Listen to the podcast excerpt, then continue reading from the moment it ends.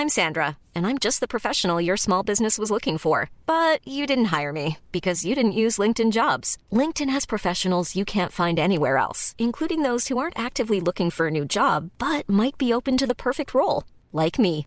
In a given month, over 70% of LinkedIn users don't visit other leading job sites. So if you're not looking on LinkedIn, you'll miss out on great candidates like Sandra. Start hiring professionals like a professional. Post your free job on linkedin.com/people today. Hey, it's Paige DeSorbo from Giggly Squad. High quality fashion without the price tag. Say hello to Quince. I'm snagging high-end essentials like cozy cashmere sweaters, sleek leather jackets, fine jewelry, and so much more. With Quince being 50 to 80% less than similar brands. And they partner with factories that prioritize safe, ethical, and responsible manufacturing. I love that. Luxury quality within reach. Go to quince.com slash style to get free shipping and 365-day returns on your next order. quince.com slash style. Mom deserves the best, and there's no better place to shop for Mother's Day than Whole Foods Market. They're your destination for unbeatable savings, from premium gifts to show-stopping flowers and irresistible desserts. Start by saving 33% with Prime on all body care and candles. Then get a 15-stem bunch of tulips for just $9.99 each with Prime. Round out Mom's menu with festive rosé, irresistible berry chantilly cake, and more special treats. Come celebrate Mother's Day at Whole Foods Market. Micke och Blomman, de är lite stelare så de kan bara prata om crossfit och functional fitness. Are you kidding me? What can this guy do?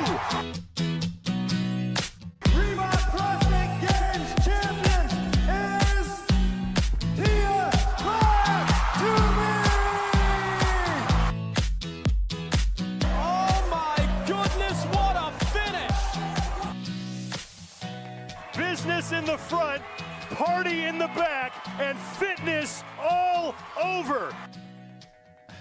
Varmt välkomna till Feven Podcast avsnitt 27 med mig, Mattias Blomqvist. Och mig, Micke P. Blomman! Blomman! Johan, kom, jag ska ha på mig hörlurarna! Johan, kom och sätt Johan, kom och sätt dig nu bara. Ja, Johan, Och så har vi Johan Sternhoff med oss också på distans men snart närvarande. det bakom väggen. Eh, han, han, han satt fast. Hur är läget grabbar? Hur mår du Micke? Eh, det är bra, som vanligt. Um, Alltid bra. Johan, hur är läget med dig? Det är bra med mig också. Ja, men vad skönt. Eh, nu när jag blev insläppt. Ja, välkommen in i, i poddstudion. Vi sitter ju faktiskt första gången någonsin i vår nya poddstudio, vilket är kul för dagens Ja. avsnitt. Ja, det är lite kvar att fixa men snart. Vi har lite småfix kvar, men det är ju ändå en, en fullvärdig studio tycker jag, som är väldigt crossfit-inspirerad. Ja. Ja, det ska du, ha- du och Susanne ska göra en stor eloge här Johan. Ni har ju, för er som inte vet så är vi ju i, jo, ja, ni har ju flyttat in i ett nytt hus och i källarvåningen där så har ju du gjort ett garagegym där vi har också en liten del som är en poddstudio, eller det är ju, ja vad ska man kalla det, litet myshörna liksom. Jaha. Ja, vi alla har ju blåa fingrar nu, jag på att säga, suttit här en timme. Ja, Men ehm, lite värme, två sköna fåtöljer, ett bord och lite armar till mickarna. Sen, sen är vi fullt klara med den, Ja. känns Ja. det som. Men eh, vi är på god väg och den har blivit lite snyggt affischerad med eh, Feven-logga och Feven podcast-veper och sådär. Nej, det är mysigt att sitta här och, och snacka lite skit. jag började med det viktiga, fylla, fylla kylen. Ja, det är ju framförallt till din och min uppskattning. så Jag märkte också när att det saknades några corona faktiskt. Det var någon som hade varit... Mm, det var en bra blandning. Det fanns lite koffeinhaltiga drycker, det fanns lite alkoholhaltiga drycker och det fanns lite eh, sockervatten också. Mm. Det är inte dumt det. Men idag då, vi ska ju försöka fokusera på Ja, det får vi i och för sig se. Jag vet ju, eh, dagens gäst har ju ett eh, finger med i spelet på, på många plan. Men eh, eh, vi ska ju prata med Martin Altermark som är förbundskapten för eh, svenska landslaget i functional fitness som eh, åker till Norge och ska tävla i VM om fyra veckor blir det. Ja. Eller ja, det blir väl till och med två veckor kanske när det här släpps, lite beroende på. Ja, landslaget har precis haft träningsläger då, så att han är just precis hemkommen från Gävle. Ja men precis, vi- får väl se helt enkelt om man har lite intressanta insikter från, eh, från atleterna. Eller liksom hur formen känns inför VM och ifall det finns lite pallplatschanser helt enkelt. Och vi kan vara helt säkra på. på att han har lite insikter. Ja men det, det tror jag. Martin har ju, ja han var väl en av de första i Sverige med Crossfit och driver ju Crossfit Uppsala som var ett av de första Crossfit-gymmen och sådär. Så det ska bli spännande att hoppa in lite i hans tycke och tankar. Verkligen. Så vi gör väl som så, vi ringer väl innan så tar vi det därifrån helt enkelt.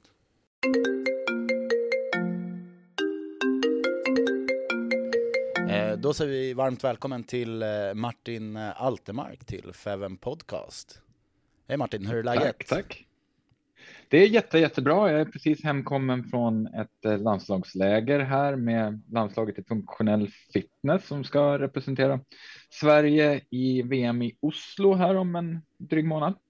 Eller en månad precis faktiskt. Härligt, hur, eh, hur har det gått? Har det känts bra? Är truppen taggad? truppen, är, truppen är taggad. Eh, det, är- det, är- det är jävla roligt att, att träffa allihop.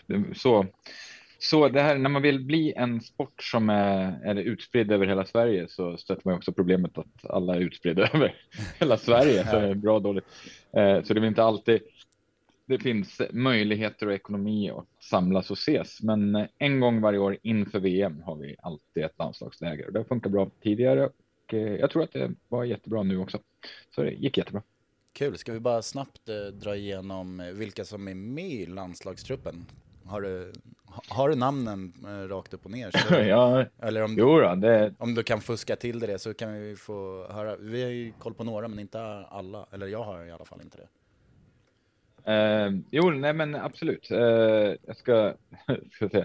Vi, eh, vi, har ju, vi har ju fullt en jäkla bra i år alltså för att VM är i, alltså går ju så nära av starten Mm. som i Oslo. Då har vi möjlighet att skicka ett fullt landslag har, har ja, styrelsen då Mm. eh, gett oss mandat att göra. Så vi fick ta ut ett fullt landslag och ett fullt landslag det innebär tre herrar, tre damer och, som kommer att tävla individuellt och ett lag med med fyra personer och två herrar och två damer som, som tävlar för sig. Dessutom så har vi alla år behövt andra reserver, så den här året tog vi ut reserver Mm. eh, som, som också är med i landslagstruppen kan man säga och också var med på det här lägret. Hur många reserver, Eh, vad sa du? hur många reserver är det som man tar med då? Ja, eh, ja, en, en, en dam och en herre har vi tagit ut. Ja, okej. Där då. Så det är, det är ganska stort landslag. Liksom. Eh, och eh, landslaget i år består av på, på damsidan har vi Camilla Salomonsson Hellman eh, från, från ert gym. Mm. Eh, och sen så har vi eh, Nathalie Niska eh, och eh, Elvira Ek. Eh, det, det är de tre som kommer att, kommer att starta i Oslo. Eh, och sen så har vi en jätte, jätteduktig lovande tjej som heter Lisa Andersson också som, som står och liksom stampar och, och vill in. Och sen på, på här sidan så, så är det Max Olivestrand och eh, Filip Lundqvist som båda tränar eh, på, på Nordic i, i Stockholm. Mm. Eh, till, eh, tillsammans med Viktor Ljungdahl som kommer att representera Sverige. Och sen har vi laget då, det är samma lag, eller ett av lagen som representerade Sverige på Games i år. Eh, men det laget som hade bara, bara svenskar som representerade Ja. eh, eh, Sverige och det är eh, de som då var det Crossfit Prestanda. Eh, som ja, eh, Alex Elebro och Viktor Långsved och Hanna Karlsson och eh, och så har vi eh, yrvädret Maria Längfors. Så, Är det världens så gladaste tjej där? Det kan mycket väl vara världens gladaste tjej. Det finns ju ganska många i den här sporten som är ganska glada, så jag tänker lite Ja. konkurrens. Ja, vad roligt. Men hur, En eh, av dem i alla fall. hur ser du på chans? Är det svårt? Eller är det svårt? Det måste vara rätt svårt att veta just till Functional Fitness VM vad det är för typ av atleter. Vi pratade med Ljungdahl om det där och man vet inte riktigt vilka som kommer och sådär. När får ni reda på de andra ländernas trupper och så? Får man det ens? Mm, ja, ja, någon vid något tillfälle så ser vi hur det på, på golvet. Ja, det vore ju det kommer kanon. inte vara någon som har, har rånarhuva Vem är det vi tävlar mot? Nej, då, det är klart vi får reda på det, men det är ganska sent. Eh, det stämmer. Eh, det, det, för, alltså de, atleterna ska ju anmälas ganska tidigt, så jag tror att det internationella förbundet vet det ganska tidigt. Men det brukar först vara när när resultat, alltså vi får någon form av leaderboard publicerat ett par veckor innan. Så brukar vi se alla namnen. Ja. Eh, ja, men det är fan, det bryr inte vi oss om. Vi åker dit för att försöka plocka medaljerna oavsett vilka som kommer. Ja, kul. En, en, fråga där bara, jag är ju lite sådär dåligt insatt i allting, men nu var jag ju nere och tittade på SM både för, för individuella och även för Masters i år. Jag tyckte det var mm. superkul att se de två olika tävlingarna. Riktigt bra arrangerade tävlingar. Eh, kul, kul event så. Men vad, vad, skulle du säga, vad är största skillnaden mellan functional fitness och crossfit för, för oss som inte riktigt vet? Ja, ja, alltså det stora skillnaden är, jag, jag står ju med ett ben i, i båda lägren mm. eh, och det gör ju ganska många i, i de här sporterna såklart. Det är många som både tävlar i, av atleterna som tävlar i crossfit och i funktionell fitness. Eh, och eh, sådana som jag då, som äger och driver ett crossfit-gym. Det driver ja, Sveriges äldsta crossfit-gym dessutom. Eh, så jag har varit med ett tag i det där eh, och, och är verksam i, i det här mm. förbundet då, som är functional fitness, det är ju att det ena är ju en cirkus och det andra är en sport kan man säga. Det är lite som att prata om en eh, game show. ja, jo, men det, det, är ju så. Alltså Crossfit är ju ett varumärke mm. och det är ju ett proprietärt kon kontrollerat varumärke. Eh, så i den mån det skulle kunna vara en sport. Jag menar, man kan ju tävla i den naturligtvis. Man har ju domare där på plats och så där och, och man kan ju absolut se att atleterna som vinner eller förlorar för den delen är jävla duktiga på det de håller på med. Men vad som helst kan ju komma från sidan och det har ju verkligen varit det. Medans eh, i en ska säga, i de flesta andra eh, idrotter som kallas för sporter brukar det inte kastas in liksom, uh, helt plötsligt rulla halmbalar eller klättra, klättra upp i någon midsommarstång och hjula över den. Liksom. Det, det, det, kunde ju absolut hända i Crossfit Games. Man vet, man vet ju helt enkelt inte vad som kommer och att det, det är liksom inte så hårt typat och definierat vad som kan tänkas komma. I funktionell fitness så har vi alla de aspekterna som skulle kunna krävas för att bli en, en riktig olympisk idrott. Det vill säga att det, det som kan hända är definierat på förhand. Alla, alla rörelser som får förekomma under en säsong finns också beskrivna i, i detalj i ett regeldokument, i en regelbok. Mm. Eh, och en regelbok som uppdateras löpande. Då. Så varje år så kommer det en ny version och då kommer det nya övningar och försvinner någon så, som man inte behöver oroa sig för längre. Så vet atleterna vad de ska träna på. Dessutom så är det väldigt tydligt uppdelat i ett par olika kategorier av tester. Då. Eh, Just nu är det sex kategorier, eller det har det väl alltid varit, sex kategorier av tester eh, och eh, de ger liksom lika många poäng. Då det är inte som i Crossfit var det ju under ganska många år så att det spelar ingen roll om någonting såg ut att testa kondition så var det ändå alltid ett tungt ryck på slutet och, och man hade, mm. man hade eh, någon, någon av, av, eh, av, av de som var duktiga på tunga ryck som, som vann Crossfit Games på något sätt. Så det var lite ska man säga, vinklat för vissa atleter att vinna. Och det kan man väl argumentera för att det, det kan råka bli i den här sporten också. Men det är i alla fall eh, svårare att det ska kunna bli så. Jag menar, det, även om någon programmerar en specifik tävling dåligt eller något event lite dåligt så har han ändå ganska hårda regler att hålla sig inom. Så att man kan väl säga att jag tror att det är så i Crossfit, om man ska vara lite taskig, så kan man nog träna och bli bättre, bättre än sina motståndare, men ändå placera sig sämre i tävlingar om det vill sig illa.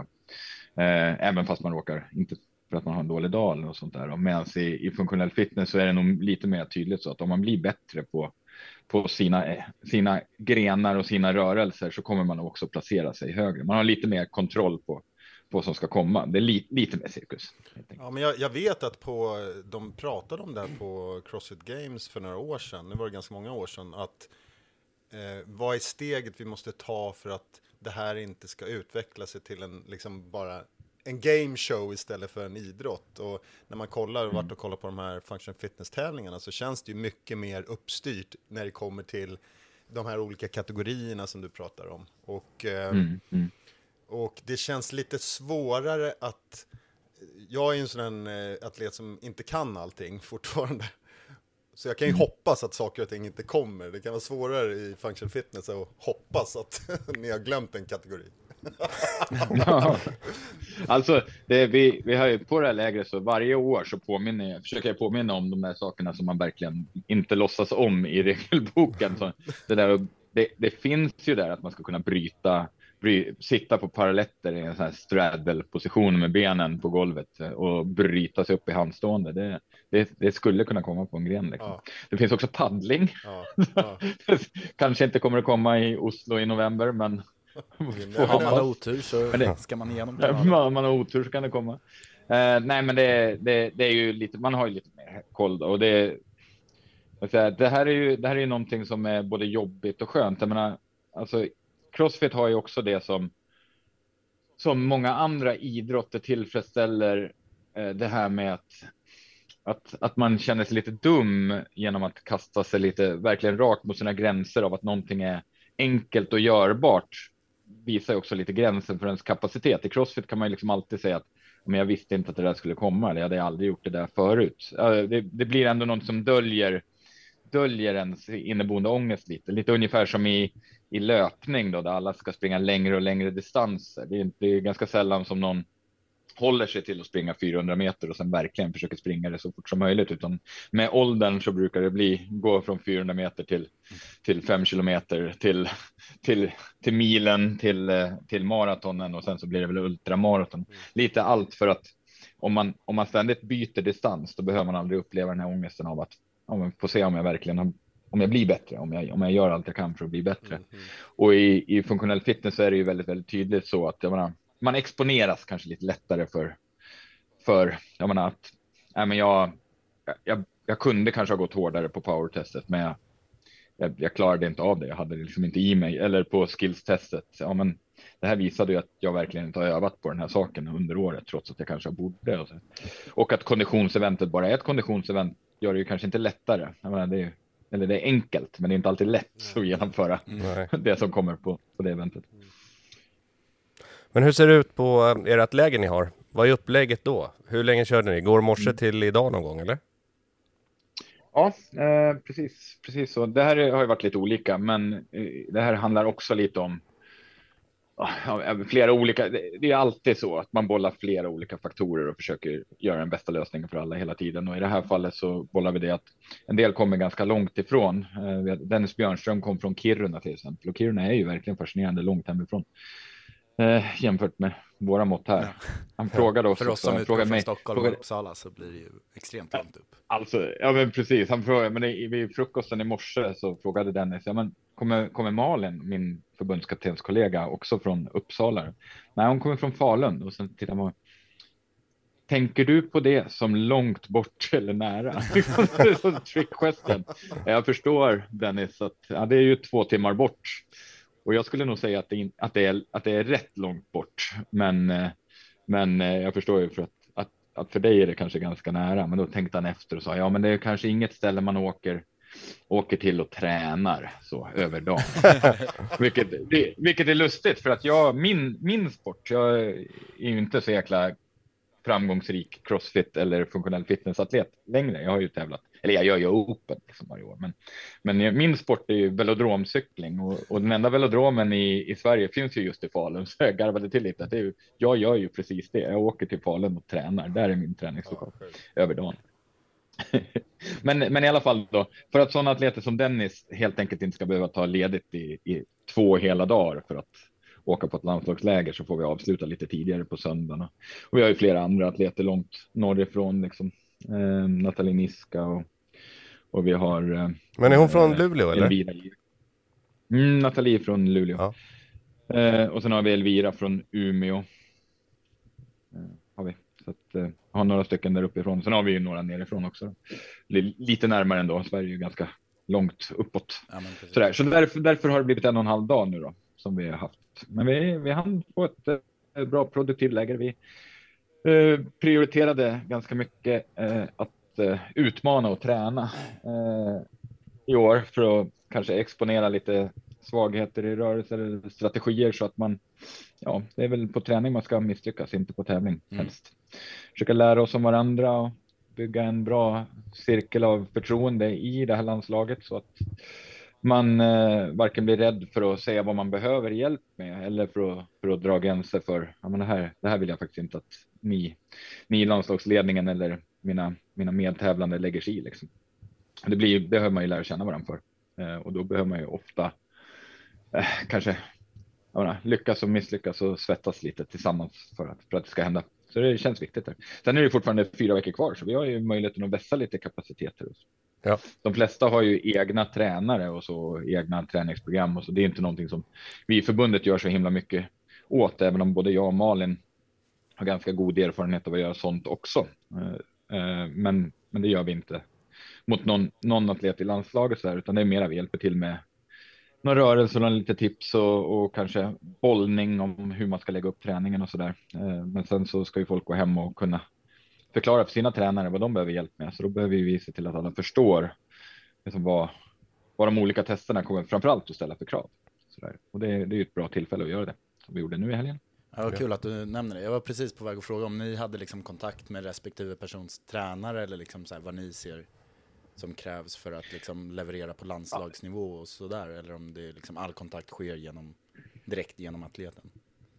Ja, det är både, både och sådär. Eh, tränarna byts ut lite och så och det vad som, vad, vad som råkar vara liksom trendigt just nu ändras ju lite genom åren. Blir det ju som någon som jag som har hållit på med crossfit i liksom 20 år vet ju att det går ju, går ju ganska mycket trender i sånt där. Mm. Eh, men Eh, man kan säga att delvis har vi kontakt. Vi känner ju många tränare naturligtvis eh, och eh, och då har vi ju lite kontakt med tränare och så här. Men i stort så har vi kontakten genom atleterna. Mm. Kan man säga. Så att, eh, det är ju bra också. Känner ju atleterna liksom någon form av förtroende för att de är med i loopen hela tiden. I alla fall en, en bra och inte ha för många kontaktvägar. Så där. Men ibland har vi kontakt rakt mot tränarna också såklart. Hur, hur blir man en eh, landslagsatlet då? Eller hur, hur hamnar man i, i ditt landslag? Liksom? Vad är det för kravspel som ställs på liksom atleter eller vad är det som vad är det som skiljer mm. en väldigt duktig atlet mot att vara med i landslaget om man säger så? Ja, För det är en ganska tajt är... trupp ändå med liksom tre damer, tre herrar egentligen som ska få åka iväg och representera Sverige. Men det finns ju mm. kanske ett 15-tal, 20-tal som egentligen har snarlik kapacitet. Ja, så är det ju. Och det kommer ju vara en massa olika kapaciteter. Man kan säga att det, det här, den här frågan har flera olika underfrågor. Ett av våra, jag och Malin då, vi, vi kan man väl säga, vi, vi har ju hand om landslaget, men vi, vi sitter ju inte med i, i förbundet i någon position, utan vi, vi kan väl säga, vi eh, försöker väl, eh, ja, vi, vi sysslar ju med elit elitidrottssidan utav, utav vad den här sporten är. Det är också en breddidrott och, och någonting där man ska få folk att ja, lära sig att växa, både, både kroppsligt och rörelsemässigt och men nästan moraliskt och så här. För det, vi är ju en del av en, en, liksom en en idrottsrörelse av den gamla, mm. gamla skolan som, där man försöker ta ett ganska stort samhällsengagemang och samhällsansvar. Men, men i, som i alla idrottsrörelser så finns det någon liten del som, som sysslar med den här prestationsbaserade biten och där kommer ju jag och Malin in då. Men det betyder inte att vi inte har, eh, har ett krav på oss från förbundet. Eh, I våra styrdokument kan säga, som vi har skrivit under eh, så står det också att vi ska göra vårt bästa. Dels för att vinna medaljer till Sverige såklart, men också att eh, främja sporten på andra sätt. Främja bredd och utveckling och tillväxt och, och också eh, ja, värdemässigt eh, främja, främja sporten. Och alla de här sakerna då kommer att göra att det blir en del eh, ibland, ibland enkla val och ibland lite svårare val att göra. Vi tar helt enkelt hänsyn till lite mer än kanske folk ser och tänker mm. på. Eh, och det, det här brukar, det ifrågasätts ofta och ofta har, av sådana som inte kanske är med i hela processen eller kan se hela bilden. Men i stort sett kan man säga vi har det allra bästa sättet att hamna i landslaget. Det är såklart att delta i kvalet till SM i svenska mästerskapen och stå överst på pallen. Det är liksom helt omöjligt för oss att se förbi det. Mm. då, då, då visar man verkligen att det, det går. Ja, ja. Jag, jag, är bra nog. Jag visa prestation, liksom. eller med, med visa, prestation. visa prestation, men också visa prestation inom sporten kan jag säga. Ja, ja. Men sen så, så finns det ju alltid några undantag. Då. Varje år har det funnits någon eller några atleter som har kommit in som inte kanske har stått på tävlingsgolvet på, på svenska mästerskapen. Och det finns flera anledningar till det. Eh, det är någonting som ger ett oerhört starkt plus kan man säga. Om man, de som är med på hela den resan, de visar ju oss en massa bra kvaliteter och de som inte är med på den resan vet vi ju inte riktigt vad vi har, oavsett om de skulle vara. De kan ju säga att de är bra nog Mm. eh, och de kan ju kanske ha visat att de är bra nog i någon. Jag menar semifinal eller quarterfinal eller, vad nu, Ja. eller games eller vad det nu må vara. Men det är andra typer av tävlingar och då blir det ändå spekulation både från deras och våran sida om hur bra de faktiskt kommer att stå sig i konkurrensen i den här sporten. Eh, men till exempel, det, jag menar, det kommer att kunna finnas undantag mot den här regeln att man ska vara med i SM och stå på pallen för att bli uttagen. Ja, men det kommer det ju såklart. Man kan ju leka med tanken att någon någons förälder dör några veckor innan och begravningen hamnar precis på på svensk, dagen för svenska mästerskapen. Skulle Mm. man kunna tänka sig att den personen ändå blir uttagen om den är tillräckligt bra? Jo, men det är väl. Det skulle väl de flesta kanske svara ja på. Och då har man ju liksom börjat med att det finns ändå orsaker som gör att man ändå kan bli uttagen då. Men eh, det ska till ganska mycket för att man ska bli det. Så man kan säga att att vara med på kvalet, det är fullständigt nödvändigt. Ingen som inte kvalade i år och kvalar nästa år kommer att bli uttagen i landslaget. Mm. Det är ändå en ganska tydligt kriterium då ska säga. Ja, ja. Men sen så blir det väldigt, väldigt svårt för de som kvalar som sen inte är med på svenska mästerskapen när det går av stapeln då i juni Mm. brukar det vara. Eh, att visa oss att de är tillräckligt bra. Men i något eller några fall så är det ändå några som har gjort det. Till exempel Max Olivestrand, han fick ett, han blev pappa bara dagarna innan SM. Just det. en ganska jobbig födsel liksom. Det får man väl säga att det och han, han är bra nog. Och då kan man ju börja väga in lite andra saker också. Om man, om man är en atlet som visar på de värden som vi söker efter i sporten, sporten och om man bidrar till en positiv kultur för idrotten som sådan och landslaget som sådant också. Det vill säga kan lyfta landslaget till någonting som är större än sina enskilda delar. Och det tyckte vi till exempel att Max var Mm, mm. eh, trots att han uteblev från SM. Dessutom så tror vi att han hade presterat ganska bra på SM. Han är ju, han är ju duktig. Sådär. Eh, men när det kommer ner till rena kvaliteter vi söker så är det också så här att på ett svenskt mästerskap eh, har vi ett annat typ av motstånd ibland än vad vi har internationellt och ibland också andra typer av tester. Jag och Malin har inte kontroll på någonting av det här faktiskt, varken de internationella testerna eller de svenska testerna. Mm. Det, det, så ska det ju vara. Vi ska ju inte designa någonting så att vi kan råka designa Ja, det är någon eh, tester som passar vissa. atleter. tävlingskommitté som, Nej. som sköter det. Liksom. Ja, en tävlingskommitté. va. Eh, vilket gör, men även konkurrensen. Man kan väl säga att till exempel eh, svenska och norska mästerskapen kan man nog komma ganska långt ner i konditionstestet. Men ändå placera sig väldigt högt upp på ett VMs konditionstest. Bara för att vi är nationer som har jävla duktiga konditionsatleter kan man säga. Mm. Medan på andra sidor, till exempel styrkeeventen, så kanske det inte ser riktigt lika bra ut om man jämför med klassiska styrkenationer som USA eller liknande. Va?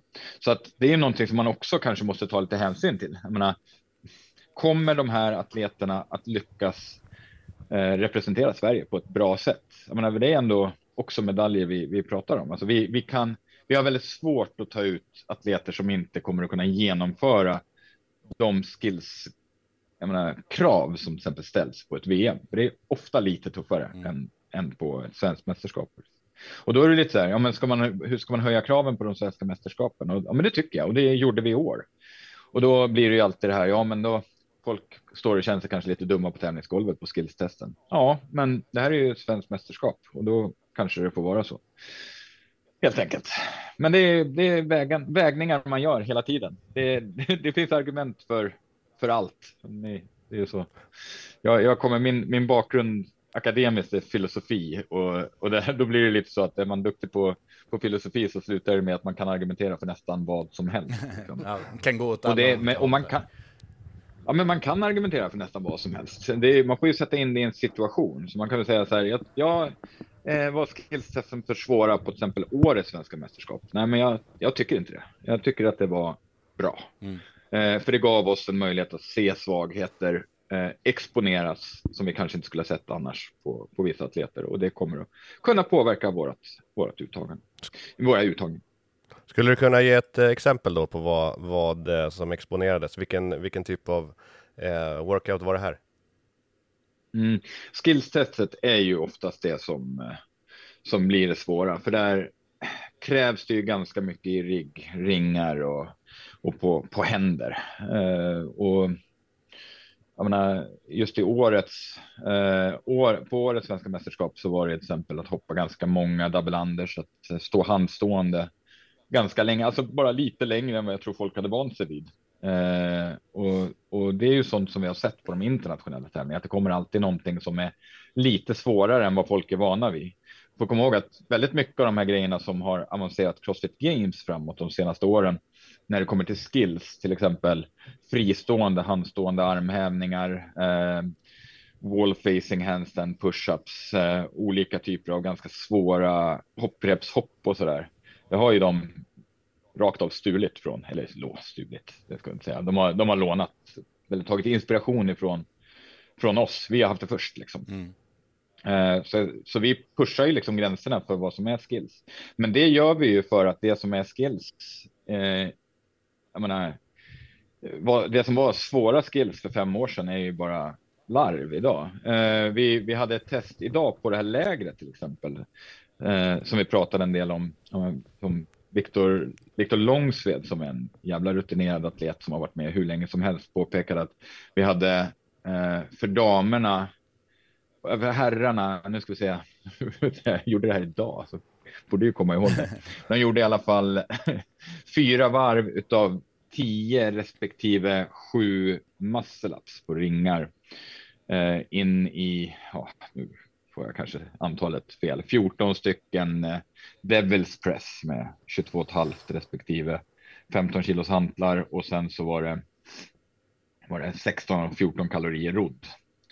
Eh, fyra varv då. Och, och då kan man väl säga att eh, vad Viktor är liksom bara shit alltså. Att liksom att muscle ups, det skulle det, det skulle ju betraktas som, det betraktas som en skill för fem år sedan. Mm.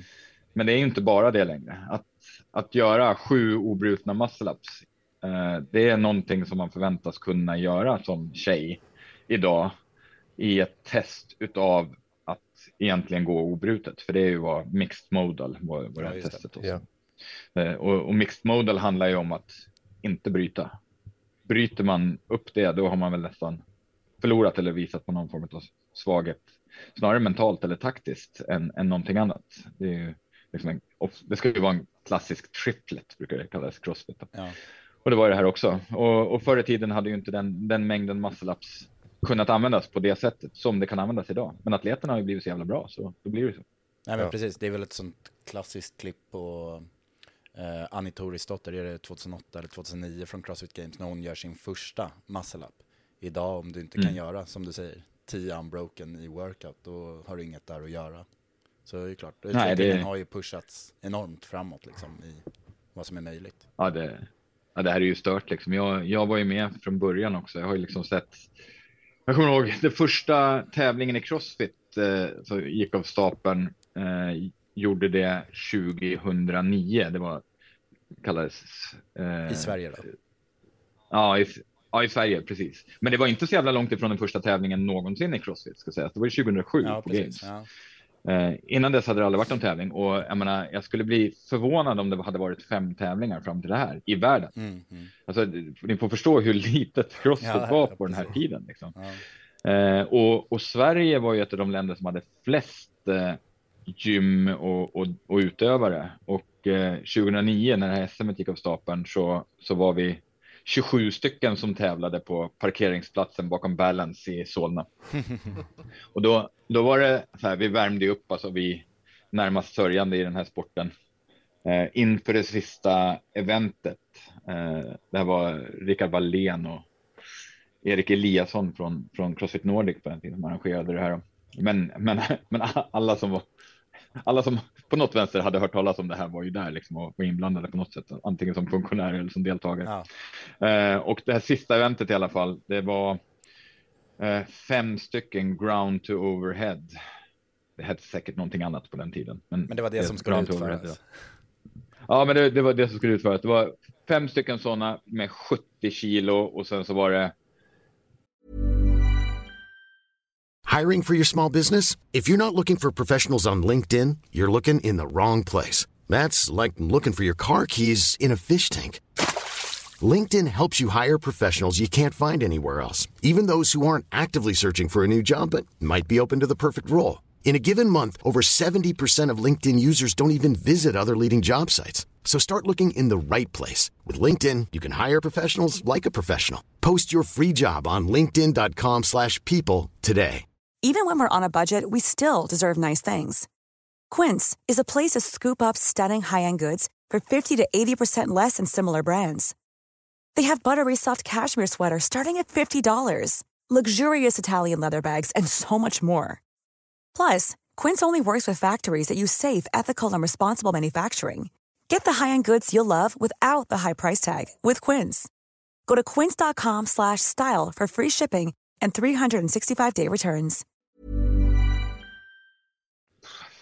15 stycken Chesterbar pull-ups och eh, 25 stycken air squats. Fem varv. Och det här alltså, alla var så nervösa i uppvärmningen innan det här för att det var så tungt. Ja. 70 kilo, kommer vi att lyckas med det här? Nej, det var ju någon där som var gammal tyngdlyftare som kände sig trygg, liksom. men alla vi andra, det var så här, det här, för det här var ju mycket tyngre än Grace-vikten, Ja, som ändå var den tunga vikten, och det var ju 60, så det var liksom, det var ju tungt plus Ja. på den här tiden.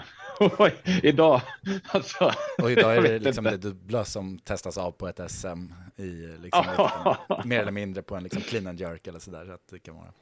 Ja, men exakt, exakt så. Så det, det har ju, det, det är ju delvis så att vi som höll på med det här i, i början, vi var ju eh, ett gäng eh, liksom internetnördar som hade råkat hitta det här, för det var ju det enda sättet att hitta det. Eh, och eh, sådana som sökte sig till extremsport och risk och dumhet. Liksom. Vi kunde ju också hållit på, vi kunde ju ha flygit, eh, flygit kastat oss ut från någon, från någon bergstopp och flygit i någon ekorrkostym eller åkt någon konstig grej på skidor liksom. Men nu hittade vi den här nya galna sporten som man kunde göra illa sig i, liksom, så sökte vi oss till det. Men vi var ju kanske inte så jävla atletiskt begåvade, men de där atletiskt begåvade personerna, de, de hittade ju dit så småningom och då, då kunde vi, då fick vi bli tränare. Då fick man sadla om lite grann. Men var det, var det samma veva då som du startade Crossit Uppsala? Är det också 2009 eller är det ännu äldre? Ja, nej, det är precis så. Alltså, det är så mycket i samma veva så att jag och min kollega Björn som, eh, som eh, startade det här, eh, vi, vi satt alltså veckan innan, det, här, det gick ganska fort. Vi satt veckan innan och räknade. Björn hade gått en starta eget-kurs under något år, Eh, så han visste, han kunde räkna på det här med att menar, att driva företag nu. Så vi satt och räknade på det här. Alltså, du, ni får ju förstå att det fanns ingen som direkt jobbade med träning på den här tiden. Alltså i, i Sverige. Det, ingen tjänade pengar på träning. Det var väl någon personlig tränare kanske och någon som drev någon bodybuildningsgym i någon källare. Men kanske fanns. Alltså Friskis Ja, och alltså, Svettis. Eller de kanske inte ja. hade etablerat sig. Ja, alltså det var ju, det var ju, det fanns ju knappt Friskis och Svettis då. Det fanns ju tyngdlyftningsklubbar, men det det är var ju såklart ingen som jobbade i en tyngdlyftningsklubb. Det var en, det var en idrottsförening och, och Friskis, det var ju också en föreningsrörelse eh, på någonting som mest hade gympa i parker på den tiden. Och, och det fanns väl några PTs någonstans på något gym, men det mycket, mycket lite på den här i början Mm. på 2000-talet. Eh, och ja, så, så det var ingen som, det fanns, ing, det fanns inga pengar. Inga pengar. Och ingen skulle ju betala för träning heller för den. Så eh, jag och Björn räknade på det där och konstigt, varje gång så kom vi ner på att nej, men det, det går ju inte. det inte. Och då hade vi inte ens börjat så här fylla i att vi skulle kunna ta ut en lön, utan det, det föll liksom redan innan det. Det här var ju, det, Lokaler, skulle gå konkurs. el, allt de där. Ja, det skulle gå konkurs utan att ta ut någon lön då och sådär. Eh, och varje gång så knycklade vi ihop den här lappen, slängde den i papperskorgen. Vi ville ju så jävla gärna öppna det här.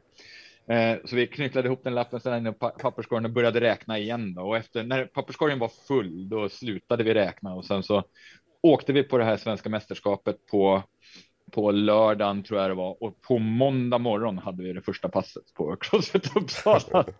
Här, Dumskallar som bara körde. Men eh, vi finns ju kvar än och, och har, många, många har ju visat sig ganska framgångsrika i att driva gym också. Ja men precis. Vi låter det vara osagt om det var en taskig räkning där från, från början eller om det var rätt satsning. Alltså det ska ju sägas att även om det, det visar sig att det går att leva på, på träning och hälsa på ett helt annat sätt än vad det gjorde förut. Eh, alltså så är det ju inte kanske guld och gröna skogar att driva mikrogym. Det, det, söker man sig till det här för rikedomen och berömmelsen så kanske man gör fel. Men det, men det är jävla roligt och, och tillfredsställande och härligt att jobba med. Ja men det är det ju. Och det finns ju, liksom, det finns ju så många aspekter i det. Bara liksom, det sociala i att träffa människor, se utveckling hos andra och liksom, hela den biten är oftast där, där man börjar. Liksom. Ehm, men jag tänkte på det, som du sa, att närmast sörjande kom och gärna hjälpte till och sådär. På det här första SM på en liten parkering någonstans i Solna. Hur skulle du säga att landskapet har förändrats på den biten? För idag så vill ju nog de flesta tjäna pengar på sin delaktighet och liksom tid värderas kanske på ett annorlunda sätt mm. idag. Mot att liksom mm. vara en förening, liksom, det är ju ganska självklart om du är förälder i eh, din, ditt barns fotbollslag att du är med och hjälper till och sitter sekretariat i en innebandymatch eller vad det nu kan vara. Men i functional fitness eller crossfit så känns det inte riktigt lika självklart att det är någonting som man ska bidra med på samma sätt. Mm. Alltså jag tror det var fel här. Jag tror inte alls. Jag har ju då varit verksam i föreningslivet i, jag menar, sedan barnsben då mm. och jag börjar blir ganska gammal. det är väl alla som eh, hamnade i det här med, alltså, du vet, man, man som kommer från den där tiden där, där liksom där träning an, är på annat sätt än fem kilometer löpning på, på försäsongen. Det, det fanns ju inte. Det, skivstänger och pull-up-räcken. Det fanns ju liksom inte där, där en del av oss kommer ifrån. Nej, nej. men, men, men då var ju också föreningsliv någonting helt annat. Ska jag säga. Så då var det ju någonting som var ganska uppenbart, någonting man gjorde tillsammans. Och det här hade börjat. Jag har ju varit verksam då i ja, gud, eh, föreningar i dels idrotter jag har deltagit i. Jag kommer från badminton var den första idrotten jag hade under min uppväxt som man försökte bli så bra som möjligt i och sen som när man når sin gräns liksom när man inser att ja, men jag, jag kommer inte att bli bättre typ raskt och plötsligt mm. slutar med. Men sen har jag ju fortsatt med andra idrotter, olika kampsport och ja, jag är ju verksam fortfarande i cykelklubben här i Uppsala och, och ja, jag brinner, ja, fan, funktionell fitness. Jag brinner ju fortfarande ja. för föreningsliv Ah, sorry, nu är vi tillbaka. Yes. Ja, eh, jag ska ta upp tråden ungefär där vi var då. Ja. Eller vad, vad blir bra? Ja, ja. ja men absolut. Ja, men jag kan säga, köra. Ja, men jag sa precis det att alltså, redan, redan då, ska jag säga, redan 2009, ganska långt innan dess, så var det tydligt att någonting hade hänt i, i föreningslivet. Jag drev en, en kampsportsklubb här i Uppsala. En, eller satt, satt med i styrelsen och så. Här. Och det blev alldeles uppenbart ganska många som kom dit trodde att de köpte en tjänst eller en vara eller något sånt där. Så man betalar den här medlemsavgiften då, eh, trodde man var samma sak som när man gick till inte vet jag, Actic och köpte ett gymkort. Och man förstod liksom inte längre, eller många förstod inte riktigt längre att det bara betydde egentligen att jag hade rätt att hjälpa till. Mm. Alltså, eller, nästan, eller kravet på mig att hjälpa till. Att det här är vad vi är. Vi är, vi är en sammanslutning människor som vill att någonting ska finnas. Och nu försöker vi hjälpa till efter bästa förmåga och, och stötta varandra och stötta det vi håller på med. Eh, och, och det har ju verkligen gått lite förlorat. Alltså, och det märker man ju. Alltså, det är svårt att få folk att engagera sig ideellt. Mm. Eh, det finns ju inga finns ju inga pengar i funktionell fitness såklart. Det finns inga löner för oss som, som jobbar med den här sporten och tvärtom så no. är, det, är det väl nog snarare så att man får betala sina egna omkostnader själv ganska ofta. Eh, och, och det är ju, behöver inte vara någonting dåligt med det egentligen, bara man får lite stöd och stöttning från, från fler och att man kan växla de här rollerna så att man hjälps åt och, och bygga upp en stark rörelse. Eh, men det är nog precis som du säger, det är ganska svårt att få folk att hjälpa till om man inte antingen får betalt idag eh, eller, eh, eller på något vänster menar, tjäna någonting på den exponeringen mm. man får därifrån. Och det är, och det är lite tråkigt sådär. Och det, det är väl någonting som, det är väl anledningen egentligen varför jag gärna försöker fort, fortfarande försöka hjälpa till i, i föreningar. Det är ju att fan annars, ja, det kommer ju andra behöver ju hjälp. Liksom. Man, man kan ju göra någonting och varje gång man hjälper till med någonting så blir det någon annan som kanske fick lite tid och energi över för att hjälpa någon annan människa i det här sportsliga sammanhanget eller i något annat sammanhang eh, på ett sätt som bygger ett bättre samhälle. Eh, och det där har man ju, glömmer man ju lite bort ibland och det är ju där man tänker alla de här kraven som ställs i, inom liksom idrottsföreningar. Eh, ja, eller kanske ibland på crossfit-gymmen för den delen. För att alltså de pengarna. Jag skrev en debattartikel här för inte så länge sedan i, i Uppsala Nya Tidning om att jag tycker att det, att det är helt fel väg. Det är så många som i en, i en eh, lågkonjunktur kapar sina gymkort och speciellt eller börjar i alla fall räkna på dem. Så då kanske man ser upp sitt lite dyrare gymkort på de här mikrogymmet som Crossfit eller vad det nu må vara. Det finns ju flera andra olika typer mm. av gym också. Det behöver verkligen inte vara Crossfit så. Eh, som ändå har hög personaltäthet och, och menar, ett högt engagemang och eh, eh en, en, bra utbildning och människor som försöker hanka sig fram och leva något sånär på sina låga löner. Eh, att man kapar, kapar det gymkortet för att tjäna några hundringar och, och istället ha ett gymkort till det där, fan, de där stora kedjorna som bara är deppiga liksom. Som där man bara bli en bland, bland väldigt många och känner ofta, de allra flesta känner sig ensamma och eh, tränar sporadiskt tills de inte tränar överhuvudtaget längre. Och det här finns det ju data och statistik på att det verkligen händer. Eller att man till och med säger så att ja, men gymkortet får jag spara in på i en tid av lågkonjunktur. Och det här skrev jag en debattartikel om där jag tyckte att nej, det är faktiskt menar, vad, vad, forskningen säger är ju snarare att i tider av osäkerhet och oro, då, då ska man ju göra sånt som får en att minska os, osäkerhet och oro. Och, och, vad är det då? Jag menar träning, konsekvent träning, konsistent träning och, och att bli sedd är ju ganska tydligt det som, mm. som hjälper allra bäst. Och det är ju någonting som man verkligen får på de här mikrogymmen. Och jag menar, när man ställer kostnader mot kostnader i veckan, då kanske jag menar, man kanske inte ska väga, jag, menar, jag förstår ju att det är mycket i kronor och ören att ha ett gymkort för 7, 8, 900 eller ännu mer i månaden, men man kanske inte, man kan, om man väger det mot fredagsmyset i alla fall, om man har de pengarna, då kanske, då kanske det ändå är värt att behålla det och kanske till och med så att man ska växla upp till någonting som verkligen blir konsistent och ihållande för att eh, de flesta som tränar på de här stora gymmen, de, de tränar ju bara två månader om året, om ens det. Eh, det blir ganska lite och jag såg någon undersökning från Friskis och Svettis från 2016. Det var, att det var, det var 65 procent av de som har gymkort på Friskis och Svettis. Och det är ändå ett ganska med, alltså, medmänskligt gym mm. ändå, man ska säga. Eh, 65 procent tränar inte ens en gång varannan vecka där. Alltså mm. det, det, då kan man ju säga tränar inte Nej. alls. Ungefär. Ja. Och det här skrev jag en debattartikel om och då, då blev det ju direkt eh, såklart så får man ju, ja, men du, det är klart att jag, jag angav att jag äger ett gym då.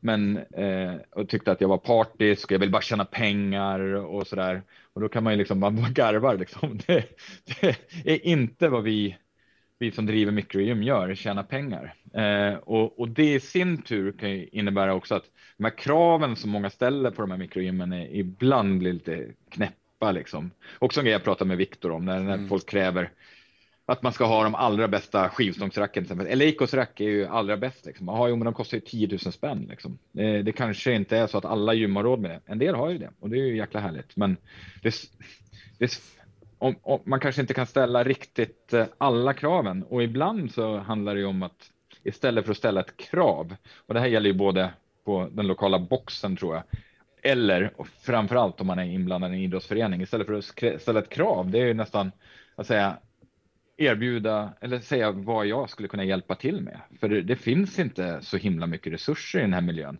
och det är lite beroende oavsett om det är lite en kommersiell verksamhet som de här boxarna då som ofta har de här idrottsföreningarna funktionell fitness inom sig också. Eller om det är i idrottsrörelsen. Eh, det är att alltså hur kan jag hjälpa till? Och varje gång man isolerar ett behov som säg jag, vet, jag har hört er prata lite om funktionell fitness till exempel. Mm. Man ser att ja, men det är ju ganska, mediebevakningen eh, lämnar ibland övrigt eller skulle ja. kunna utvecklas i alla fall. Va? Det är ju någon som försöker, gör sitt bästa sannolikt. Mm. Eh, och då kan man ju tänka, men, skulle man själv kunna hjälpa till på något sätt? Alltså på något sätt och det, det kan ju vara från allting och det, det, det är inte så att ni har ni har ju verkligen låtit på det sättet att vara lite förstående. Ja, men om, hur skulle hur skulle man kunna vända? Hur snälltolkar man liksom ja, det här som jag såg liksom?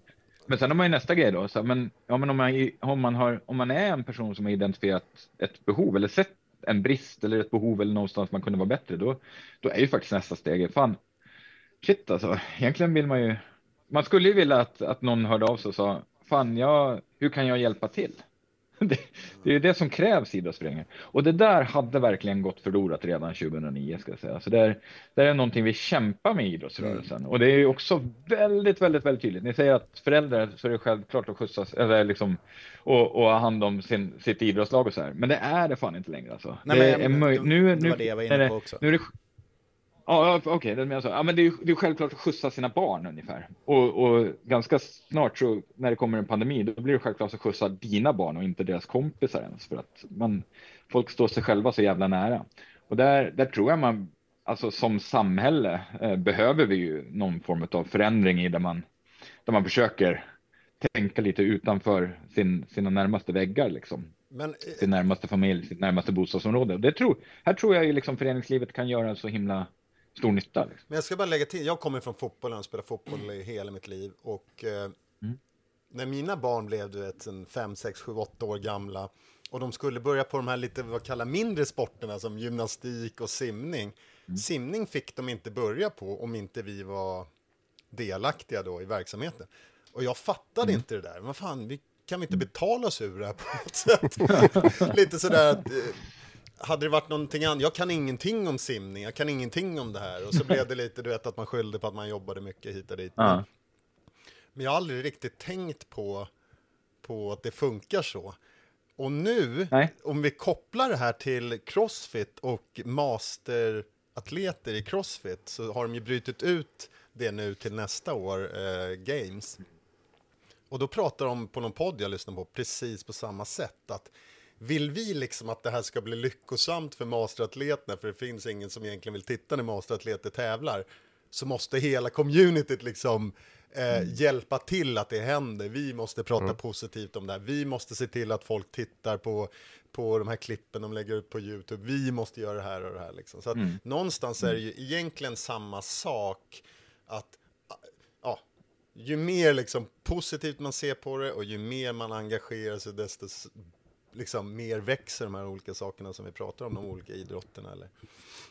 Men så är det ju. Men det är också så jävla, det är ju så jävla stärkande och viktigt att ge tillbaka till en, till en idrottsrörelse. Med, vad fan, alla vi är ju gamla nog att vara sprungna, ha- idrottat, idrottslag och antagligen blivit mycket, mycket bättre, bättre människor av det, eller hur? Menar, man har lärt sig ganska mycket och då, då och då så har man blivit smälld på fingrarna om man har, när man var sju år och sa någonting man inte fick säga eller gjorde någonting man inte ville gö- göra eller då och då så, ja ni vet va, det, det, här, det är liksom en ganska stark, stark värdeökande och värderiktande liksom, rörelse. Och, och någonstans är det så här, det är ju nu vi ska ge tillbaka. Liksom. Och hur länge, hur länge man orkar, för ni vet ju att i varje, de här, varje lag, om det må vara fotboll eller i klubb eller förening om det är funktionell fitness eller i styrelserna, så är det ju en eldsjälar som sitter där som jobbar och brinner ganska hårt för någonting.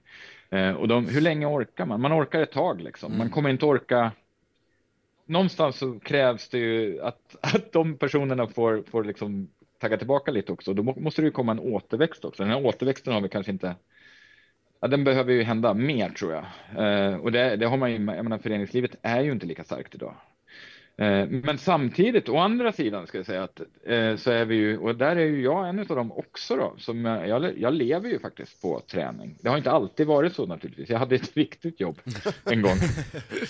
nej, det, nej, det jag säger sådär bara på, på, det är ett riktigt jobb att vara tränare också, men ibland känns det som, som andra. Jag hade ett jobb, jag var utbildad och hade en universitetsutbildning för och Ja. Som hade hög status och hög lön och semester och allt det där. Och nu jobbar jag med träning och, och är mycket, mycket lycklig för att göra det. Men, men eh, alltså, eh, Men Martin, Åh, jag måste bara avbryta en sekund. Det här med, du sa att du hade drivit en kampsportsklubb. Jag höll på med kampsport i början av 90-talet Mm. också. Och då var det ju lite det här crossfit-aktiga. Du vet, vi pröjsade ganska mycket. Jag gick på taekwondo. Det var så här 700 spänn i månaden eller någonting. Och, och man Mm, behövde inte göra någonting där. Det var liksom inte någon form av att man hjälpte till egentligen på det. Utan det var ju ganska crossfit-likt egentligen på den ja, tiden. men det, Eh, Medan man Ja, det- sen, det du vet, så här, tyngdlyftning, brottning, skytte, gymnastik, simning, alla det där var ju att man var tvungen att vara delaktig och hjälpa till. För det var lite mer riktiga Ja. sporter. Du vet, taekwondo, de här sporterna kom ju lite, liksom, kampsporterna kom ju kanske lite senare än de här andra sporterna som hade funnits länge. Som kanske hade en annan Ja, det där- approach till det. Ja, men det där stämmer faktiskt. Och det är samma Kung Fu var också Mm. tidigt. Eh, man hade några stycken eh, liksom, stora namn i Kung Fu-världen som alldeles uppenbart jobbade och, och fick lön i sina klubbar. Ja, och lite mer så. Men jag ska säga att det är inte bara negativt. Det var dit jag skulle komma. Jag kommer från allra första början. Jag har alltid varit en sån som ramlat in i subkulturer. Och jag, min, mina, mina allra tidiga subkulturer, det är ju punkrörelsen och do-it-yourself-rörelsen där då, som jag kommer på med buller och bång. Och där, där var det alltid att de stackars personer som liksom bröts ut och kanske öppnade en skivbutik eller menar, skivdistribution eller startade ett skivbolag eller någonting. De fick några enstaka jävla fjuttiga kronor på, på att göra det där och eh, jag menar, kanske ibland kunde liksom sluta sina tråkiga jävla pissjobb de hade som de hatade. De blev ju alltid liksom kallade sellouts och, och liksom bespott. Det blev alltid en massa kritik i alla fall. Som om att att det finns, varför skulle man inte kunna få jobba med någonting man tycker är roligt och givande och som också är givande för samhället? Så det är inte bara dåligt ska jag säga att man kan att man kan få en lön för att bedriva träning. Det vore väl superhärligt om alla tränare ute i, föreningarna där ute kunde få ersättningar och sådär Ja, men också. Men det ska ju inte bara, det ska inte vara det som är grundmotivationen bara och det tror jag inte det var i taekwondon eller kung fu för så, så jävla Nej, härliga precis. löner Det var inte det de som inte. drev man. Nej, men drev där man hade dit. de väl antagligen liksom, det var huvudcoachen. Oftast byggdes ju de där runt en huvudcoach liksom. Och sen de andra var ju de duktiga killarna på klubben eller tjejerna liksom.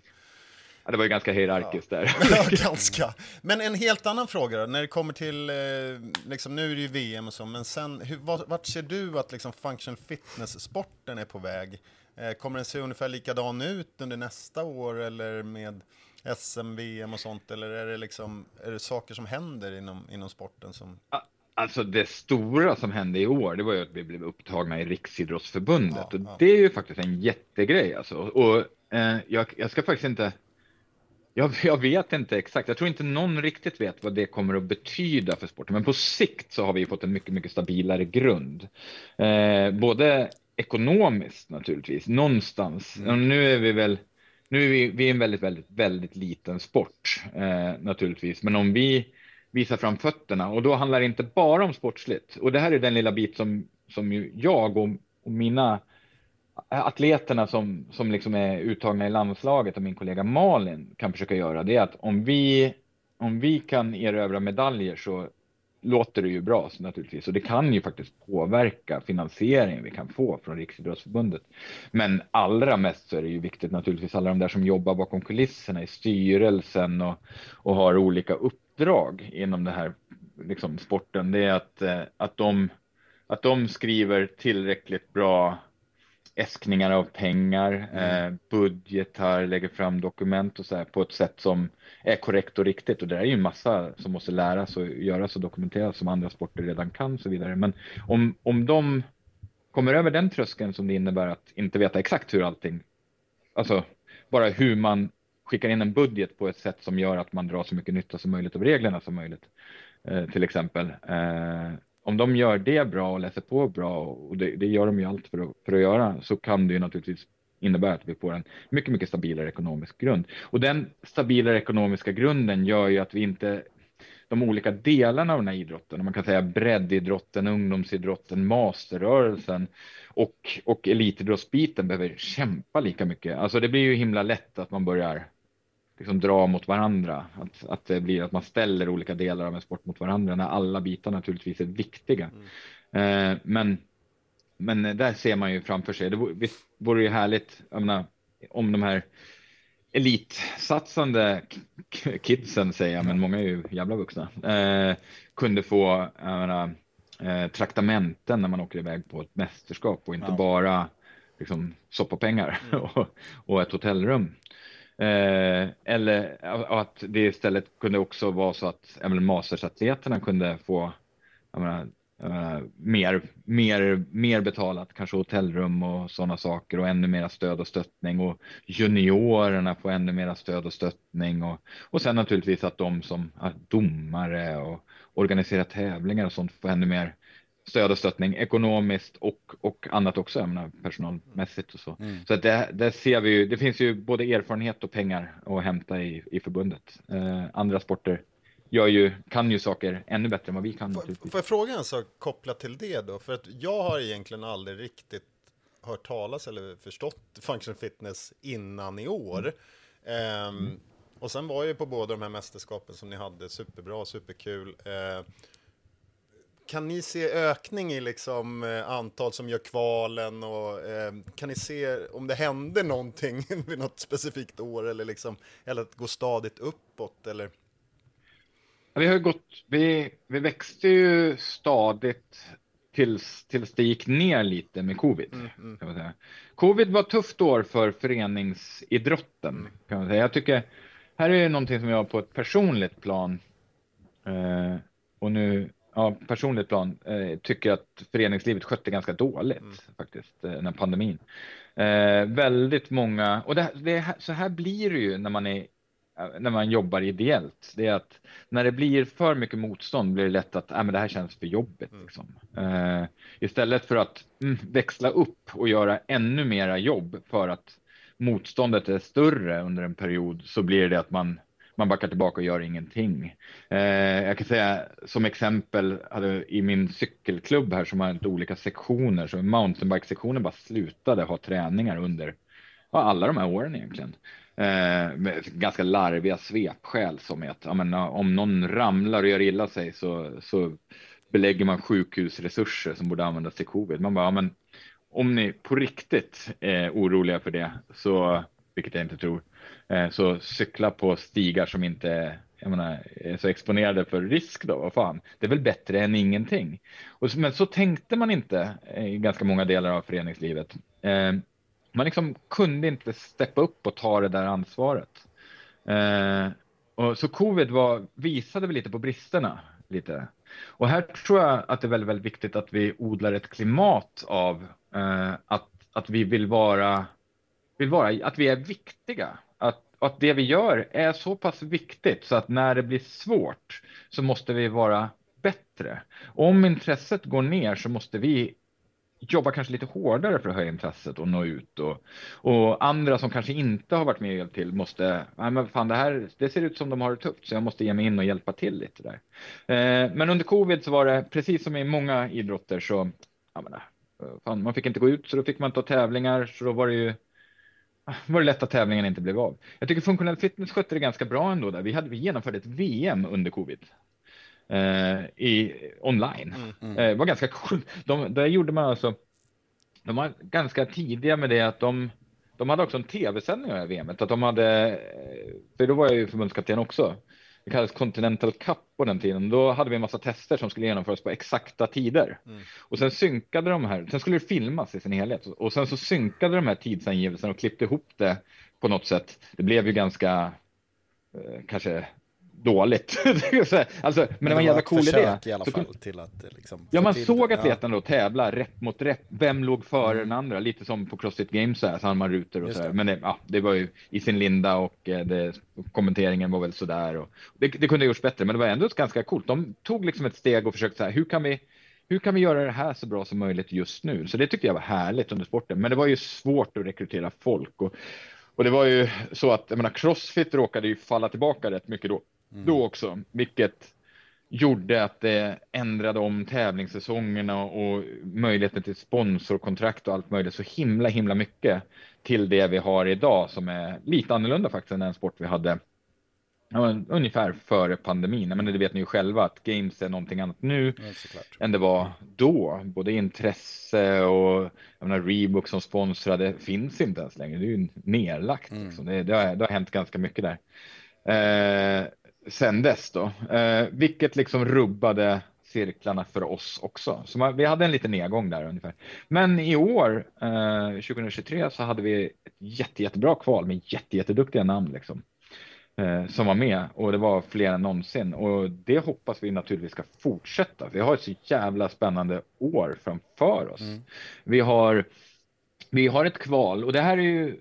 Det här är ju jätte, även om vi har ett VM nu om fyra veckor så vill jag verkligen, verkligen slå slag för det här kvalet som kommer och gå av stapeln under två veckor ungefär samma tid som förra året och det innebär före Crossfit Open.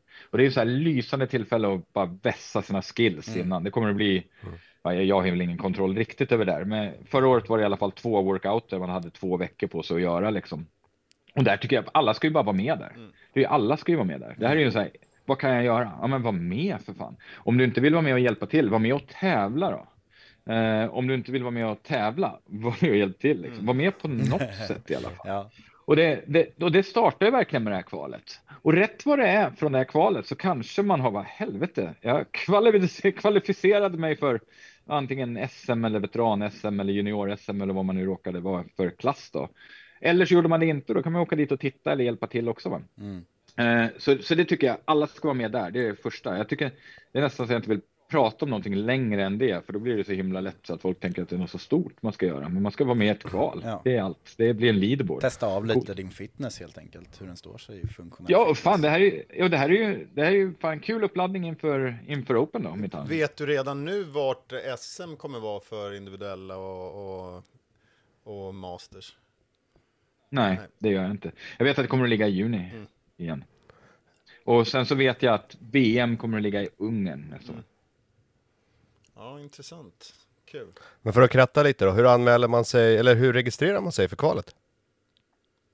Eh, det, det kommer man att göra via, det brukar ju vara via, är det fan, jag lite osäker. Nej, jag vet fan inte. Det kommer att komma länkar för det. jag säger inte fel. Nej, det är inte jag som, eh, som eh, håller i det heller. Eh, Jag brukar få frågor om när saker passar under säsongen och så här för att synka med vad vi i landslaget tror är bra för våra atleter och så vidare. Men, eh, och, och jag menar, vi har ju, både jag och Malin har ju ganska mycket erfarenhet. Jag menar, jag har ju, jag kanske inte har varit så jävla begåvad atlet i Crossfit. Även om på den där parkeringsplatsen i Solna så vill jag säga att jag kom femma det Ja, året. det jag har ett diplom Kappis. som säger Ja. femma i Sverige på Crossfit. Ja, det är bra. Det är fler än vad de flesta Eller har. hur? Men jag tycker att vi ska göra, alla pratar hela tiden om att man ska vara med i Open. Jag tycker vi alla ska, alla som lyssnar på det här också, ska slå slag i det att vi ska vara med på Function Fitness-kvalet så många som möjligt. Försöka, Eller få, hur? försöka Då, få in det då på... stöttar man ju. Ja, men precis. Försöka Ja. få in det på klubbarna också. Nu har man ju alltid så här open events, men man kan ju lika gärna ha på de här olika sakerna. Nu vet jag, Ja men gud ja. om jag ska ge lite feedback till de här kvalen, att ehm, Mm. de är ganska invecklade skulle jag vilja säga. Eh, lite, lite svårare än, än att liksom filma och, och, och fixa. Jag hjälpte till ganska mycket på dem. Eh, så det blir, det blir lite, de är lite mäckigare. Men Det finns ett episkt klipp på dig när du springer och jagar skivstänger som håller på att riva hela gymmet där åt juniorerna. Ja, men vi hade Det lite stökigt, men det beror väl också på hur ens gym är utformade. Men när man tar i beaktning när man skapar tester att eh, hmm, hur kan vi göra så att så många som möjligt kan delta? Kan vi skapa liksom lanes där folk kan hålla sig som Ja. går att utföra i en rigg och på ett gym? Ja, för det- här var det det nämligen naturligt. två olika, det var nämligen två delmoment och så var det, så det var två atleter tog upp hela gymytan Ja, precis. för att Så- klara så- av de här så. testen, Ja. som höll på ganska länge. Ja, ja. Så, men Ja, det där- det superbra test, det men, men lite eh, svårt. Vi, vi, vi tar med oss det då. Det, jag, Ja, jag precis. känner mig skönt oträffad. Ja, men det, det kommer ju vara, man har massa. Samtidigt så vill man ju, det, det blir lite större krav på det här med, med eh, bedömningar och sånt där i och med att vi är en riktig sport och, och, och lite mindre. Alltså i Crossfit så är det ju lite så här att det, det kommer ju avgöras vilka som är de bästa atleterna senare eh, när de har domare. Ja. Liksom. Det, men, men det är ju samma för oss. Eh, nej, men det, det, det, det är jättebra synpunkter. Alltså. Ah, Och det här är ju så att det är ju inte alltid helt lätt att se allting där man, där man sitter. Menar, det är bara en sån grej med det här med gymmet. Fan, jag menar, ni har ju ändå en, en stor lokal jämfört med vad jag har Ja. på mitt. Jag har ju riktigt så här klassiskt eh, Crossfit-källare. annorlunda gammalt gym. Ja, det är en källare. Liksom. Det är två våningar. Det är ett hus. Liksom. Det ser ut som, ett, ser ut som en villa. Men vi har ju så här 70 meters eh, kvadratmeters träningsyta uppe och nere. Och när det kommer i, i och inte höjd för wallballs. Vi, alltså i Open, på mitt, på mitt gym får vi springa, alltså det är alltid det där att det ligger i februari, mars Ja. liksom. Det är inte tacksamt för det Och svenska det är så här, klimatet. kommer det vara, och vi, vi kör alltså wallballs ute. Eh, För att få det korrekt och höjd, för att liksom. få höjden. Eh, och då, vi öppnar upp en garageport och kör ut och man bara, ah, kommer en snöstorm den helgen när, när wallball, för det kommer ju alltid wallball. Ja. Bara- Den helgen kommer det snöstorm liksom, vad fan alltså. Men det, det, Men det är i och för sig li- lite roligt också. Eh, Och det här med att gå så här, 10 meter obruten D och D-gång. Liksom. Vi har inte det. Så vi har ju liksom när vi, när vi har gått så här overhead walking lunges, då har vi fått gå en bit och sen fått vända med skivstängerna liksom på raka armar och gå tillbaka två och en halv meter. Så jag, jag, jag förstår helt. Och det här är ju lite svårt för då, alltså det, det, det är såklart att Adrian Bossman som gör de här testerna numera, jag tänkte säga inte vet om det här, men det är lite larvigt för Adrian har ju varit och tränat på mitt gym tror jag tre gånger så att han borde han borde ha koll borde på ha mig. förståelse och, för och, att vissa gym ser lite mindre ut och lite annorlunda ut kanske. All... Ja, men och det gör han ju, han om någon. Och där är han är ju, tycker jag, det tycker jag är roligt att han har liksom fått den position han har idag, för att han är ju en person som faktiskt, jag vet det här. Han har, han har ju varit här i Sverige, han har varit här i Uppsala och firat midsommar faktiskt. Mm. Med, så att det, det är den nivån på på gräsrots eh, kontakt Mm. från, från honom. Liksom. Eh, vi har ganska, ganska tät kontakt genom åren. Eh, varit hemma hos honom också och bott över i någon vecka.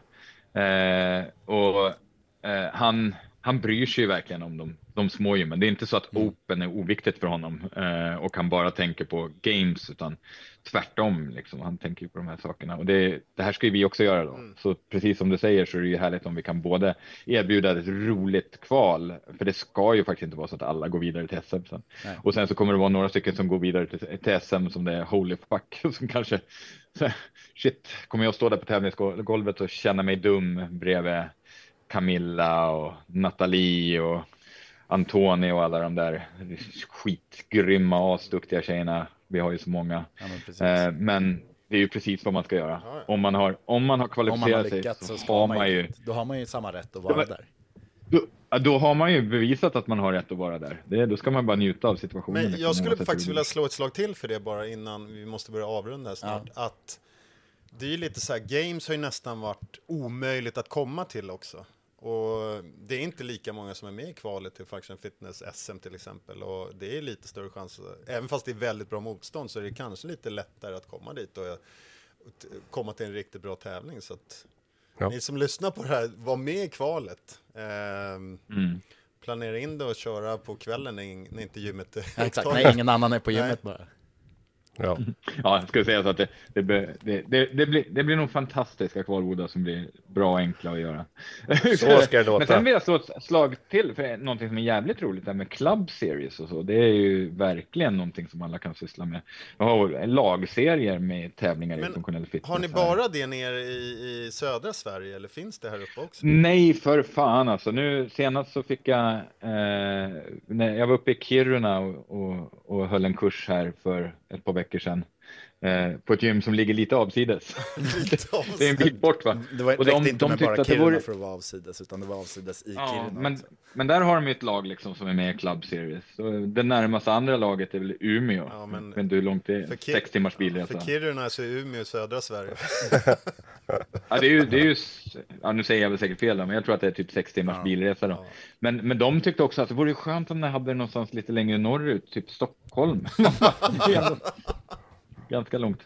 Men, Ja. men det är ju grejen, alltså det, det är ju svårt. Men det, det här handlar ju väldigt mycket, då fick jag ju möjligheten att, alltså man bara, ja men det är härligt och det är jättebra att ni säger till, men, men nästa grej, det är väl att jag menar, gå på, på, alltså när man är med i, för det är ju nästa steg, man anmäler sig till kvalet så här, man har upptäckt att någonting, någon brist eller någonstans, någonting man själv skulle kunna hjälpa till med, någonting som ku- skulle kunna bli bättre.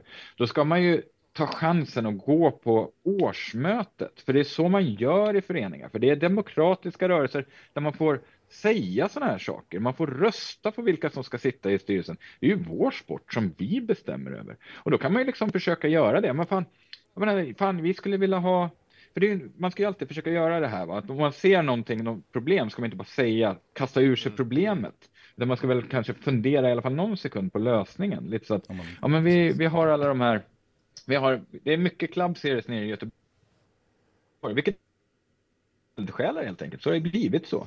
Och då kan man, ju stä- kan man också lägga till att kan vi få anordna en club series eller en tävling här uppe i Kiruna eller Umeå eller ja, i norra Sverige som Stockholm. Ja, här, och och det, det är ju det är liksom viktigt sådär. Så jag, jag tycker det ska man ju göra. Ni kommer, man kommer ju ha en tävlingslicens när man är, har anmält sig för, för kvalet här.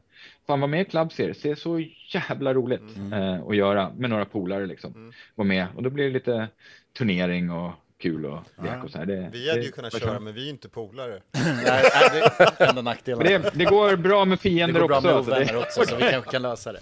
Behöver inte hålla ihop. Inga, inga, nej, ingen, ingen press på det. Nej, men vi eh, tänkte väl göra som så att vi, eh, vi kan ju runda av på den punkten helt enkelt. Att eh, kör SM-kvalet. Har ni idéer så försök att föra fram dem där ni kan helt enkelt och bli Mm. medlemmar i Functional Fitness-förbundet så att man kan göra sin röst hörd också Ja. eh, på ett sånt sätt. Mm. Och vill man komma i kontakt med Martin, hur gör man då? Eh, ja, men då, då mejlar man mig eh, eller hör av sig till mig. Någonstans. Alltså jag är inte så jättesvår att hitta på internet tror jag. Eh, men men eh, hit, hitta mig och mejla mig. Det är nästan vem som helst kan göra det. Om ni har frågor om hur det funkar med landslaget eller förbundet eller, eller något sånt där så skicka dem till mig kan jag hjälpa till att skicka folk rätt. Eh, Sve3F har en eh, hemsida där man har kontaktpersoner där man också ser hur styrelsen ser ut och vilka som jobbar jobbar med det som, som vi försöker göra till en bra, bra idrottsrörelse. Så gå in där och kolla också. Och sen eh, det allra roligaste som jag tycker och som jag, menar, jag tror de allra flesta tycker, både våra atleter och de där kända stora namnen och, och, och Malen, är att eh, det är jävla kul när folk kommer och säger hej liksom. Och, och, det, vi är ju inte, vi är ju väldigt vanliga människor, alla vi som håller på med det här. Vi är bara, vi är bara, kanske bara lite tokigare liksom ibland. Så, och det, är- det är så jävla roligt att träffa andra människor som, som brinner för eller, eller funderar på någonting. Så kom och dra i oss, det tycker vi bara är roligt.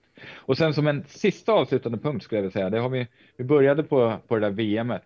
Eh, men jag tänkte bara säga att det kommer att gå av stapeln i Oslo om fyra veckor. Eh, det är inte så jävla långt. Och dit och kolla, det kommer att bli skithäftigt. Eh, Norges förbund har, helt andra ekonomiska resurser än vad vi har och vi håller på att jobba oss dit nu och ett första steg var att bli med i Riksidrottsförbundet. Eh, de har varit där rätt länge och de får, alltså idrottsrörelsen är lite starkare i Norge dessutom, så de har bra ekonomiska resurser. De har bra människoresurser i kunniga och eldsjälar där borta. Men sen har de också de senaste åren haft en jävla hög svansföring i hur man ska göra saker och ting. Så vi förväntar oss ett jätteväl genomfört VM här. Det, det tror jag också. De har allt som krävs för det här. Så åk dit och kolla. Vad är det? Det är, det är några timmars bilresa från Stockholm, Göteborg, Kiruna lite, lite längre kanske. Men de, där kan man också Få åka. åka över Narvik och, ner bara. och, Åka, ja, precis, åka över ja, det Malmbanan kan de ta. Vad heter det? Och, och sen eh, hoppa på den här gyllene vagnen Ja, som går från Kiruna, den där tusende Ja, gruvvagnen. Eh, men, eh, men om man inte kan åka dit så kommer det finnas livestreaming. Kolla på det också, heja på våra atleter. Mm. Skriv på, skriv på deras eh, Instagramkonton och säg att de är bra, för de är bra. De behöver höra det också. Det är, det är, liksom, det är, det är roligt. Ibland blir det lite ensamt att jobba, jobba med idrott, oavsett om man är atlet eller jobbar bakom kulisserna. Eh, om ni ser någon som, tycker, som ni tycker verkar göra ett bra, men kanske lite ensamt jobb, så ge dem en klapp på axeln. Det tycker jag att ni ska Vi, göra. vi har haft med några Och hjälp till själva. Fyra stycken Ja. har varit med i podden. så Ja, men att, absolut. Ja, då. Mm, ja, fan, ni har ju jä- bra, bra jobbat. Försöker dra in dem. Ja. Vi, vi gör vad vi kan för att skapa exponering för de som är värdare. Ja, det är kul. kul. Ja, Superkul. nej, men superkul Stort att snacka tack, lite med dig Martin. Martin. Stort tack för, för idag. Och bra jobbat. Så önskar vi lycka till på VM Ja, såklart. verkligen lycka till. Får se om någon av oss lyckas ta oss dit. Ja, men precis. Ja, gör det. Fan, live-rapportering. Exakt. Ja, men toppen. Ni kan få, ni kan få exklusivt eh, till, tillgång till våra atleter. Mediapass till atleterna. Ja, det är kul i och för sig vara där och peta Ja. lite på dem. Nej, men jättekul. Tack, vad, vad roligt att jag fick vara med. Jag tycker ni gör ett jätte, jättebra jobb. Det är roligt att det finns en podcast i Sverige som, som eh, både intervjuar atleter men också lite annat folk runt omkring och har lite funderingar och tankegångar på jag menar, vad man ser försiggår där ute på boxar och i sporten runt i Sverige, men också fundera på varför det skulle kunna vara så att saker blir som de blir. Jag menar, det, det tycker jag det är kul och härligt att höra. Jag gillar vad ni gör. Bra, tack. Ja, tack. Tack. Då så, vi låter det vara där så eh, stänger vi ner för dagen. Stort tack för att ni har varit med och lyssnat också, så hörs vi nästa vecka. Det gör vi. Hej.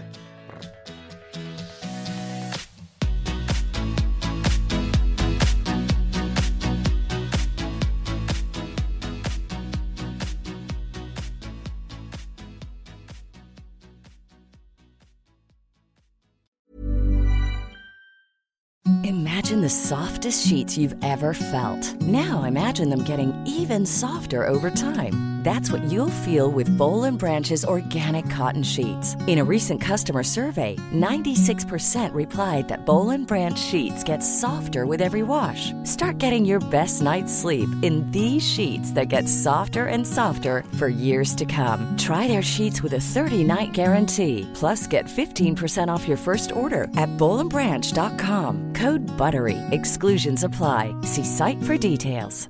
Even when we're on a budget, we still deserve nice things. Quince is a place to scoop up stunning high-end goods for 50 to 80% less than similar brands. They have buttery soft cashmere sweaters starting at $50, luxurious Italian leather bags, and so much more. Plus, Quince only works with factories that use safe, ethical, and responsible manufacturing. Get the high-end goods you'll love without the high price tag with Quince. Go to quince.com slash style for free shipping and 365-day returns. Mom deserves the best, and there's no better place to shop for Mother's Day than Whole Foods Market. They're your destination for unbeatable savings, from premium gifts to show-stopping flowers and irresistible desserts. Start by saving 33% with Prime on all body care and candles. Then get a 15-stem bunch of tulips for just $9.99 each with Prime. Round out Mom's menu with festive rosé, irresistible berry chantilly cake, and more special treats. Come celebrate Mother's Day at Whole Foods Market.